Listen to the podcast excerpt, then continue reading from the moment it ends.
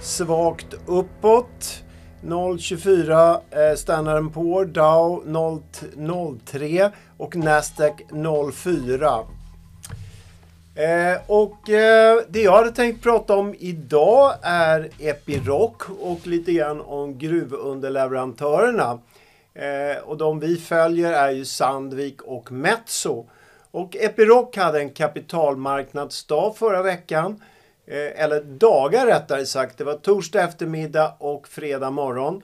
Där de gick igenom eh, hur gruvkonjunkturen ser ut. Men framförallt var det ett fokus på eh, gruvautomatisering och eh, elektrifiering. Eh, och det är två trender som driver tillväxten just nu. Man har mer elektriska eh, Eh, elektrisk utrustning och man kopplar upp den med olika digitala lösningar. Eh, och Epiroc hävdar att man är ledande på det här området när det gäller digitala lösningar. Eh, hävdar också att man är ledande. Eh, och de har lite olika nischer. Så att eh, Epirocs definition är att man tar alla marknadssegment, underjord och ovanjord eh, och blandat mellan de här då är man marknadsledande. Sandvik hävdar att om man tittar på segmentet lastare eller loaders, då är de starkast. Ja, eh, men det viktiga här det är att gruvkonjunkturen och investeringarna fortsätter att vara hyfsat starkt. De upprepar sin prognos om en oförändrad efterfrågan eh, under andra kvartalet relativt första kvartalet. Eh, men de säger egentligen ingenting mer om konjunkturen. Så att eh, jag tolkar det som att man bara upprepar sin prognos men vill i övrigt inte kommentera så mycket om den kortsiktiga utvecklingen utan pekar på den långsiktiga utvecklingen som betydligt mer intressant. Vår synpunkt är dock att eh, eh, Epiroc är ganska högt värderat. EV-ebit 19, det är ett av de högsta värderingarna på svenska börsen nästan nivå med Atlas som faktiskt har passerat dem nu och har en ännu högre värdering.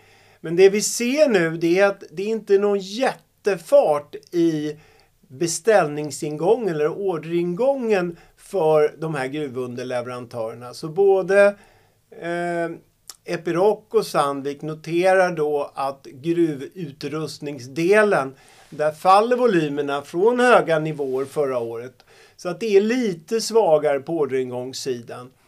Eh, och vi tycker att vill man vara exponerad mot gruvcykeln som inte är jätteboomande just nu, men om man vill vara exponerad mot den cykeln på lite längre sikt, då tycker vi att både Sandvik framförallt, men även Metso är, är lite mer prisvärda alternativ än Epiroc som vi tycker kanske är lite för dyrt.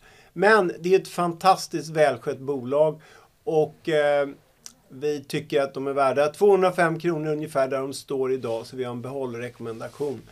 Eh, och de har ju en väldigt imponerande förvärvsagenda. De har lagt till 10% av försäljningen i år bara för förvärv. Så att eh, det är ett bra bolag så vill man ha högsta kvalitet kan man välja Epiroc. Vill man som vi tror satsar på de lite lägre värderade bolagen Sandvik och Metso eh, så köper man dem istället. Ja, det var allt från Paretodesken idag. Så hörs vi imorgon igen. Hej då!